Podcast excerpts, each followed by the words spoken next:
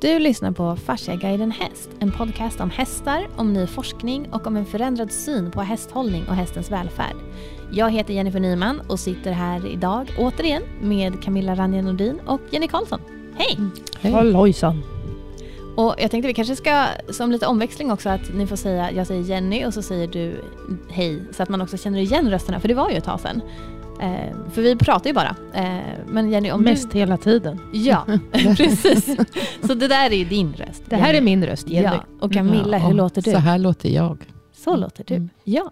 Eh, och idag så ska vi prata om fascia och värme och hur fascian påverkas av värme. Och det kan ju vara ganska brett för vi kan ju prata om det både då utifrån, som du var inne på i förra avsnittet Camilla, när man sätter tecken på hästen. Det kan ha att göra med klippning, om de åker transport och det blir mycket fukt och sånt, det är varmt ute eller hästen är svettig. Det kan vara under arbete, det kan vara under väldigt varma dagar. Det finns ju många sätt att hästen kan bli varm på. Det finns ju positiv värme och negativ värme. Det Mm. med. Eh, Lagom är bäst. Alltid. det svenska lagom. Eh, Men jag tänker som att du var inne på det redan i förra avsnittet. Vi kanske ska börja där. Kan, jag kan börja med att bara säga att, att just eftersom vi pratar hyaluronsyra som är då en stor beståndsdel i fascian i det här flytande flödet. Och hyaluronsyra påverkas väldigt mycket av temperatur.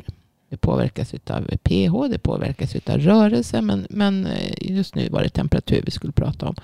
Och eh, eh, hyaluronsyran blir ju då mer lättflytande, alltså mer glidfunktion om det är varmt. Eh, och om det är kallt så blir den mer trögflytande. Man kan se som olja i en bil.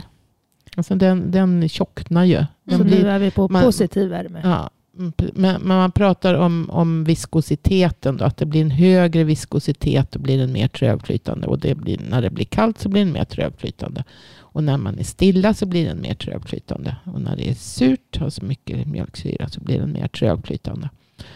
Eh, men som sagt, det finns ju en, en övre gräns också vad, vad som är. Så att hyaluronsyran glider lättare när det är varmt. När hästen är uppvärmd. Det är därför man säger att liksom, man ska värma upp och få igång flödet i kroppen. Det är ju, det, det är ju egentligen det man gör. Man blir smidigare. Man blir smidigare. Det, hyaluronsyran smörjs upp och, och liksom blir mer, får en lägre viskositet. Alltså mer, blir mer lättflytande. Och allting, alla muskelgrupper, alla eh, celler glider lättare mot varandra.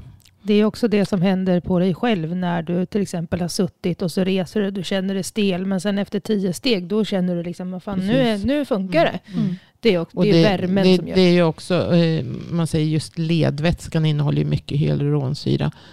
Den kanske inte hinner bli uppvärmd utav uppvärmningen. Men, men till viss del så, så blir den ju också varmare.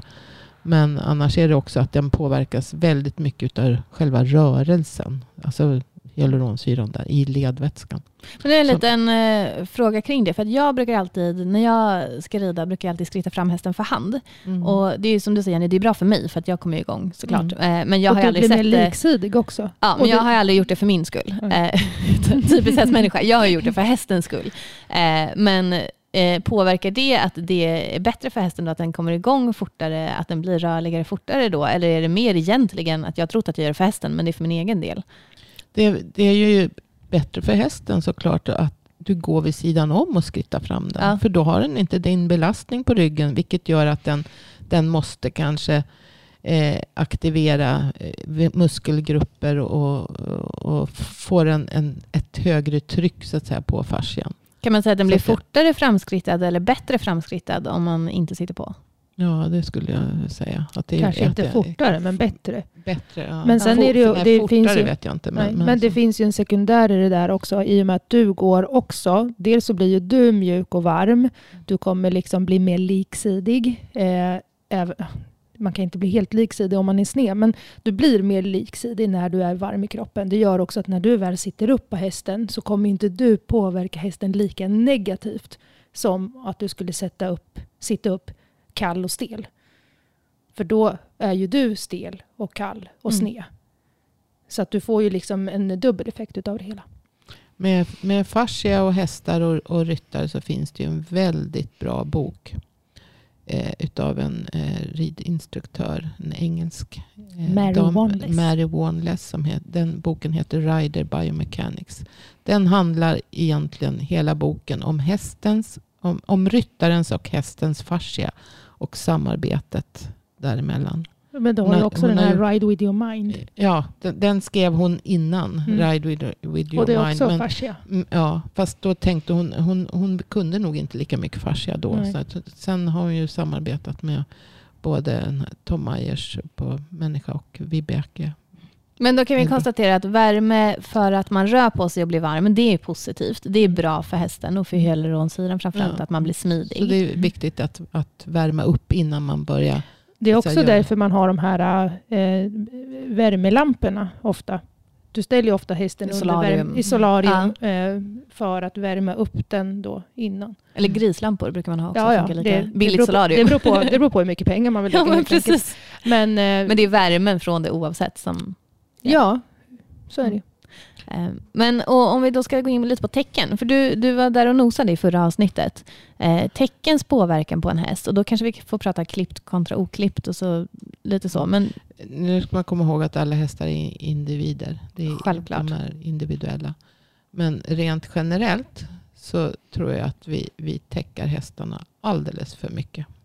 Alltså, Eh, och det är dubbla tecken och det är tecken som sitter illa. Och det var det jag var inne lite på också. Att, att det här trycket av täcket på olika delar. Kanske på en bog eller på ett kors eller bak ett, ett lår. Eller alltså, det är väldigt vanligt med bogskav, Mm, till och med pälsen ja, blir precis. skav på bogarna. och tänk dig själv då, eh, kanske rör mer tjejer då som med långt hår. Om man sätter upp häst, hästen i en hästsvans.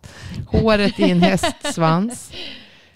Eh, jag hade ju mycket så själv förut. Och, och det, man minns ju bara det där när man liksom släpper ut det. Hur Mm. ont det, Det gör i gör i hårbotten. det gör det verkligen. Ja, ja, alltså det, det gör ju så ont. Och det är för att du har dragit håret i en riktning hela tiden. Och det är fascia i hårbotten också. Mm. Och, och yttre huden så att säga. jag som alltid har håret i en Ja, tofs. men... Eh, Men får Ja. inte du ont när du släpper ut? I, inte alltid, men ofta ja. Ja, ja Mm. för jag tänker att det här behöver man ju så här massera nästan och det känns lite så här obehagligt. Typ. och, och likadant, jag kan bara tänka så här, jag har ju glasögon och ibland så trycker glasögonen bakom örat och jag blir så öm, får så satan, ursäkta, ont bak, på en punkt bakom örat där, där skalmen trycker. Då. Eller på näsan om inte de sitter bra. Och det här är också sådana här liksom tryck på enskilda ställen som alltså gör att fascian förtätnar och det är ett väldigt, eh, om man tänker glasögonen där, det är ju ett väldigt litet. Det är Det är jättelitet Ja. tryck. Och det, är, alltså det är så lätt. Jag har Men ju så det, här har ingenting, det här har ingenting med värme att göra. Nej, Hörru, det har med med tecken värme att Nu göra. går vi tillbaka. Vi kom- Tecken får vara ett helt annat avsnitt. Nu går vi tillbaka till värme. Ja, så men här däremot är Kom det. Men över på det beroende Jo, men- på trycket av Ja, fascian. men, ja, men så här. Hästen är ju ultimat utvecklad för att reglera sin egen värme. Mm. Eh, på gott och ont. Eh, sen använder ju vi hästen till saker som den inte är tänkt att användas till. Vilket gör att den då kanske producerar mer värme än vad den hade gjort om vi inte hade använt den så som det var. Eh, därav att vi klipper dem då. Men när vi lägger täcke på så kan inte hästen reglera värmen så som det är tänkt. Eh, och värmen stannar kvar. Mm. Vilket gör att då kan det ju bli, då blir det då sån här negativ värme. Mm. Om hästen inte klarar av att göra sig av med överskottsvärme eh, och hästar är mycket duktigare på att hålla värmen än att göra av med värmen. Nej, vänta. Nu måste jag tänka. Nu vart det jobbigt här. De tittar på Camilla bara, hoppa in här. nej, nej, nej. Inte så. Jag tänkte fel. Alltså hästar klarar kyla bättre än värme. Det var det jag skulle precis. säga. Mm. Eh, det, var bara Därför tanken att på vi, huvudet. vi förmänskligar dem. Ja, De har ju den här jo. termoneutrala zonen som är säger ganska låg. Ja, får jag Matte säga klart? fryser så vi Ja, sätter på ja, tecken Tyst med nu. Jag måste ju få förklara klart. Ja. De är ju gjorda för att reglera det här själva. Kan inte hästen göra sig av med överskotts... Det här gäller ju i och för sig oss också. Men vi kan ju plocka av och på oss kläder själva. Mm. Men kan vi inte göra oss av med överskottsvärmen så stannar ju den kvar. Och för hög värme är ju rent av jättenegativt Det- det- för att det är ju en jättestor belastning på alla våra organ och hela, alltså hur systemen fungerar. Det är därför vi har en viss kroppstemperatur, för det är där kroppen fungerar optimalt. Och kan den då inte reglera det här så tar det jättemycket stryk. Men betyder det att om hästen är för varmt täckad så är det nästan att man försätter den i ett feber... Ja. Ja, Ja, det, det gör man. Ja, Man, överhett, man överhettar den ju. Alltså för värmen ska ju försvinna utifrån kroppen genom att, att eh, blodkärlen så att säga går ytligare. Kapillärerna öppnar sig när den blir varm. Och värmen ska eh, komma ytligare och luften så att säga, som blåser då genom pälsen ska, kyler ju av så att Mm. blodkärlen, så att säga, kapillärerna blir eh, nedkylda så att blodet sen som cirkulerar pälsen är Eh, ju gjord för att ja. transportera värme och fukt från huden ut till spetsen av hårstrået där vinden kan Mm. blåsa Precis. bort det. Och då blir det längre på vintern för att den ska längre bort från huden. Och isolera mer. Ja. Och det är därför man har gjort, nu vet jag inte om man har gjort mätningar på häst, men jag vet att man har mätt på älg. Eh, har man mätt då, det har varit, om det har varit 15 minusgrader ute så har man mätt då precis första millimetrarna innan eh, på hå- hårstrået men också sen inne vid huden. Och temperaturskillnaden där har ju varit alltså enorm. Mm. Det har alltså varit riktigt varmt och skönt. Jag vågar inte säga något gradantal för det kommer jag inte ihåg riktigt och då vågar jag inte säga det. Men det, alltså, det har varit många plusgrader. Eh, Ja, och- det, Det kan vi det hoppas. nog Det var ingen ungefär som fryst kropp- älg. kropp- det var ingen frysälg, eh, men det var många plusgrader kan jag säga. Eh, och sen ute är det ju minusgrader första eh, millimetrarna och så har det blivit då eh, Mm. varmare och varmare. Så att de kan ju, alltså det, alltså det är ju uppbyggt på ett system så att det ska vara varmt där inne och, och liksom fukt och värme ska transporteras ut och göra sig av med. Mm. Eh, Sen har, sen har de ju också sitt alltså, eh, värmesystem, Jo. sin kamin Ja. invändigt med grovtarmen. Med Ja. alla mikroorganismer som producerar enormt mycket värme. Det är därför man Och säger det- att de ska äta för att hålla sig Ja, varma. Och de ska äta grovfoder. För Ja. kraftfoder ger inte den värmeproduktionen. Nej. Men och har du då att de ä- jag menar, den värmeproduktionen sker ju hela tiden. Och sen lägger du på ett täcke. Och sen är det då alldeles för varmt ute. Och då, då kan ju inte hästen göra sig av med den värmen. Den stannar ju kvar in under täcket. Därför att du har ingen luft som så att säga blåser genom pälsen och som kyler av huden. Så man skulle Och- säga generellt så- och optimalt skulle vara en oklippt häst som har eh, fri tillgång på grovfoder så att den kan reglera Mm, värmen mm. genom att äta. Absolut. En häst som har tillgång på mycket grovfoder brukar heller inte bli så långhårig. Därför att den producerar så mycket värme själv. Så, så att den, den och, och likadant en häst som är dräktig eller så, så, så har ju också en mycket högre ämnesomsättning, mycket högre värmeproduktion. Men det här Så leder ju till... häst, hästar som, som är i hög kondition, de producerar mycket värme. Men för det, för jag tänker, kan man då se på, för, för vi tar ju bort någonting, men det kanske behövs när, när vi då klipper dem. Vi kanske behöver klippa dem för att de ska kunna Mm, må bra i jo. det arbetet vi Ja. utsätter dem för. Ja, så att, det är ju inte dåligt att klippa. Så. Men kan man då se att om en häst som är klippt eh, sätter ny päls väldigt, väldigt snabbt, att det då hänger ihop med något sätt på att den då har varit för varm, för du säger att den får mer päls om den inte Nej, har... att den har varit för kall. Att den den har varit för kall. Ja, den Ja. får mindre päls om den äter mycket grovfoder. Och det kan, Ja, och det kan det. jag säga, det kan jag faktiskt bara dra paralleller till mina egna hästar. För om, när det är smällkalla vintern, mina hästar har ju fri tillgång på grovfoder kan jag säga. Både på, fri, på hö och halm. Mm. Eh, men alla mina hästar, de har kort men tät päls. Mm. Den, är, alltså, den är inte mer än ett, kanske ett par Mm. centimeter. Nej. Kort men tät. Mm. Och de fryser inte. Och det var lite det jag ville komma till också, just det här med överskottsvärme och så. Att det är just det här att folk är så rädda för att deras hästar ska frysa. Mm. Och det är ju, de fryser ju för att producera värme. Precis. Det är ju lite det. Och Mm. låter man dem frysa i början av vintern Eh, och det här, det här handlar inte om alltså, lång tid. Men att man ser till att de har mycket grovfoder som kan äta och få upp värmen. Men att man faktiskt låter dem frysa lite grann i början. Då kommer de producera brunt fett. Mm. Och det är det här bruna fettet som gör att de inte är frusna sen. Men om man håller på och täcker och täcker av och täcker och täcker och täcker, då produceras inte det här. Och då är det klart som fasiken att de fryser. Mm. Och Det- det, och det, man måste ju låta den här... Och det här gäller klippt och oklippt. Alltså egentligen oavsett. Även en klippt häst kan man låta frysa i början för att den ska producera brunt fett. Och det gör också då att pälsen inte växer tillbaka lika fort och lika långt. För har de ordentligt med brunt fett så fryser de inte. Så de ska frysa men äta? Frysa, men ja, de ska ju inte frysa konstant. Fryser de konstant, då är det ju någonting som är fel. Men om jag tittar på mina hästar, när eh, hösten går över till, alltså där det börjar bli förvinter, när det faktiskt börjar krypa ner i temperaturerna, då kan jag se ibland att de står och skakar. Och de skakar kanske i 20 minuter och sen så är det borta. Man kan ju också säga att det, alltså det är ju blöt.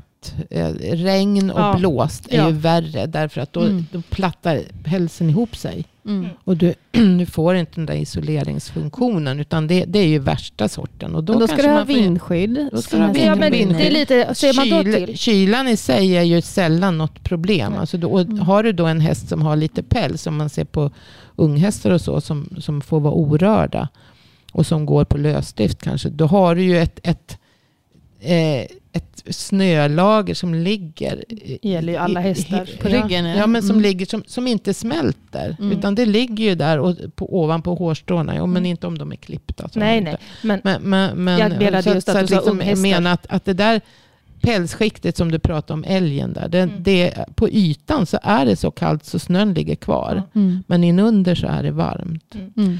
Så att om du har en häst som fryser, då är det ju istället för att täcka den i första läget, eh, så är det ju bättre att se till att den kan gå undan så att det är Det är blåsten. blå, alltså komma i lä Mm. eh, och sen mat. För då kommer den reglera det här själv. Och det gäller även klippta hästar. Och ska man klippa sen, har man en presterande häst, eh, ser man till att den har fri tillgång på alltså, bra grovfoder så att den kan äta sig varm, då kommer den inte producera den här långa pälsen, vilket gör att du kommer egentligen ha ett mindre behov av att klippa den. I Eh, alla fall mindre ofta. Ja, eh, men om du nu presterar så att den svettas så mycket så att du vill klippa den, så måste du ju faktiskt inte helklippa den. Helklippning gör ju många för att de tycker att det är snyggt, Mm. inte för att det är funktionellt. Mm. För att klippa en häst för att prestera så räcker det nästan alltid att bara klippa antingen alltså sadeljordsläge och undre halsen eller upp i ljumskarna, alltså sån här Där den jaktklippning. svettas. Ja, men där den svettas. För Ja. det räcker för att den ska kunna göra sig av med den här överskottsvärmen. Ja, för det kan ju få andra effekter också. Jag tänker när man klipper benen till exempel. Det har ju varit diskussioner nyligen kring huruvida det nästan kan vara dopingklassat eh, i princip eller Mm. inte. Ja. Just för att de blir känsligare på ett helt annat sätt Mm. när du klipper dem. Och inte bara det, den blir ju också mer mottaglig för bakterier och virus och skit när den går i hagar. För att då Mm. kommer ju skiten direkt på huden istället för att ha en päls ju- som transporterar bort det. Hovskägget gör ju att, att eh, skiten, vattnet och skiten rinner bakom karleden. Ja, inte inunder. När du klipper hästen så rinner det ju liksom längs med. Eh, Samlas för det förstör ju ytspänningen så att säga. Så det ligger, rinner ju längs med huden. Och då blir de fuktigare och får mer infektioner i karleden. Men hur ska Så man sen- tänka om man då har en häst som, är, som man klipper för att man tränar den, oavsett hur mycket då, men man klipper den och eh, känner att den behöver täckas och så står man på ett om man ska säga, traditionellt inackorderingsstall där det väldigt sällan finns vindskydd i hagen utan det är kanske lite mindre hagar och de går kanske två eller tre ihop. Eh, så, eh, då måste man ju fortfarande täcka hästen. Nej. Inte alls, Alltså, om även om du, den är klippt. ja, men alltså, du måste ju inte helklippa den. Det är det här jag vill komma fram till. Ja. Om du klipper den där den svettas och lämnar övre halsen, rygg, rumpa och en snutt på magen Mm. och sen klipper liksom, som en jaktklippning, då kommer du kunna ha hästen ute utan täcke om den har tillräckligt med mat. För att det lilla du klipper kommer inte påverka hästen så mycket så att den faktiskt börjar frysa. Eller, och även om den gör det så kommer den ju producera brunt fett. Men den har ju kvar pälsen där det är som viktigast.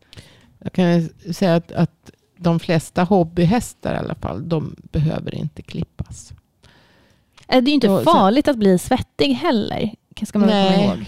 Nej, det är alltså det man klipper ju för att hästen får svårt att prestera när den blir svettig. Man klipper ju egentligen inte för att den svettas, utan det är ju att det blir en må- många orkesförlust. klipper också för att det, ja, dels som du sa för att det är snyggt, men också för att det är bekvämare. Och sen Ja. är det bekvämare att ha täcke på hästen. Ja, för då visst är är den det inte så. skitig. Nej. Och sen så Och är orkar den- man är inte den kort- vänta på att är den den ska torka. korthårig så är den mycket lättare att borsta av led, Men alltså, leden jag- på också. Alltså mina hästar, när jag nu har jag inga som är igång, men alltså när jag hade hästar igång, alltså mina hästar blev ju svettiga. Rejält svettiga. Jag släppte ut dem för att pälsen är ju gjord för att transportera fukten ut ifrån kroppen. Så att du, kanske kan, kan släppa. av den. Och Naturligtvis, men det har ju med s- så sunt att den förnuft. torkar. Men det, det, är, det, Det är är inte bara all- jättebra. Ja, men det är inte alltid den hinner torka. Om du Nej, har en den långhårig i alla häst. fall längst in. Men jag kan lova dig, alltså om du har en häst som inte är klippt och den blir svettig. Naturligtvis ska du skritta av den. Det finns ju andra anledningar till Ja, att den ska skrittas Ja, av ja. än att den ska torka. Men även om den inte hinner torka, när du släpper ut den. Alltså, säg att det tar dig 20 minuter från det att du sitter av till att du har borstat av och hängt in alla grejer och kratsat hovarna och ditten och datten och fodrar den kanske lite grann och, för man vill ge den någon mineral eller vad man nu vill ge den. Då, om man då särar på pälsen så kan jag sätta pengar på att den kommer vara torr längst in. Mm. Och det är Men det du som är det viktiga. Det är det som är det viktiga, för att Mm. den transporterar ju fukten utåt. Det du ser i blött är ju inte närmast hästen. Vad det jag menar, när du skrittar av den så kommer den att torka på Ja, insidan. men även om, ja precis, på insidan. Och det räcker ju med att den är torr närmast huden. Och det blir den jättefort. Mm. Det tar lite längre tid där du har haft utrustning, för där har du ju klämt tillbaka svetten mot huden, eftersom du har utrustning ligger på. Kan man rugga upp pälsen? Skulle det hjälpa när man har tagit av sadel och sånt? Om det är tryckt, liksom, att man bara ruggar upp det lite? Torkar den fortare då? Det har jag inte tänkt på. Det får man väl testa. Ja. Ja, det kanske Men gör alltså, om, du, om du borstar. Du borstar ju bort salter och sånt också. Så att det, Sen vet Kanske. jag inte om det är fördelaktigt om man svampar den där den har haft utrustningen. Om det är lättare för att transportera bort vatten än svett. hästen eh, har ju väldigt mycket salter i, sin, i sitt svett jämfört med en människa. Så att det, det är ju därför den blir vit, så att säga. Mm. Där, där, den, eh, där den svettas får den ju så att säga, vita avlagringar. Det är ju salt. Så hästen gör sig av med väldigt mycket salt genom svettningen. Alltså väldigt mycket natrium. Och, Ska man svampa även på vintern? Svampa av dem? Så. Jag brukar Ja. göra det. Mm. Men det beror ju som sagt på hur svettig jag är. Och jag svampar ju aldrig där det inte har suttit utrustning. Är den svettig på halsen eller i flanken eller så, det rör jag aldrig. Men just där, eh, jag vet inte, jag har fått för mig att den transporterar bort vatten eller så bors, borstar bättre. man bort det. Ja, det kan man också göra. Ja, jag, för jag brukar ju tänka att jag liksom låter torka och sen borsta bort. Ja. Eh, Men är det, om man, om man ska säga, vad- vad är bäst för hästen att man gör? Är det då för att svampa, då tar man bort salterna? Mm. Och, men Ja, det gör du ju om du borstar Det också. borstar bort det också när det väl har torkat. ja, så när det väl har torkat, ja. ja. Mm. Så svampningen är snabbare egentligen. Alltså jag vet inte, jag får ju för mig att vatten är lättare att få bort än svett. Alltså eller att den torkar fortare om den är blöt av vatten än Ja, att den är blöt av svett. saltet Mm. binder ju vatten. Ja, det är det jag menar. Ja. Så att, Så att det, det Just vet där- du om, du om du har salt på en saltsten som Mm. ligger på golvet eller på Ja, en, så en bänk det så, så kommer den ju bli en blöt pöl Ja. runt den. här. Och det är Ja. ju samma sak med saltet på hästens kropp då. Det drar ju åt sig vatten. Mm. Så det kommer ju hålla kvar fukten. Mm. Just det. Så, och sen tänker jag just när vi, vi är ändå inne lite på tecken och den sortens värme idag. Eh, något som jag har tyckt är jättesvårt eh, är ju just det här mellanperioderna. Om man Mm. säger när det är vår och höst. För då kanske det är jättekallt på morgonen. Och sen så blir det jättevarmt mitt på dagen och så Mm. blir det kallt sen igen. Och det är ju inte många som har hästarna hemma och kan täcka om tre gånger om dagen när man täcker. Och så ska man förbereda för det ena eller det andra då. Jag tror att det är bättre att hästen i sådana fall får frysa Ja, inom jag på det. Morgonen. Och Ja. sen att det är, den är fri på eftermiddagen när det blir 18 grader kanske. Mm. Kan man tänka sig. istä- istället för att alltså, den ska bli överhettad på eftermiddagen. För det, alltså, det är vidrigt att se alla hästar som på våren går med täcke på sig och sen så är det 18 grader varmt på eftermiddagen. Och då får du tänka också att när du släpper ut den när det är lite kallt, då tar du oftast med en höpåse med Mm. ut också. Så då står den ju och tuggar och den blir ju varm utav att tugga. Mm. Så att troligtvis så kommer den ju inte frysa, även fast det är kallare på morgonen, för då har den mat. Ja, det är nog väldigt olika vad de har.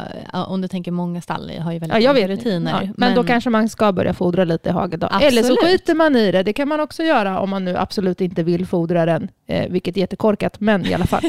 eh, så jag håller med Camilla, bättre att den fryser lite. Då producerar den brunt fett. Ja. Och brunt fett, om vi nu ska eh, prata om vad det är för någonting, så Ja. innehåller ju det mer mitokondrier, alltså värmeproducerande, alltså energiproducerande organeller i cellerna. Mm. Så alltså, i varje cell så finns det ju mitokondrier, Mm. eller i nästan alla celler finns det mitokondrier. Och det är det, det som producerar energin. Mm. Så det är våra energifabriker i cellerna. Och ett brunt fett innehåller mer mitokondrier i sina celler.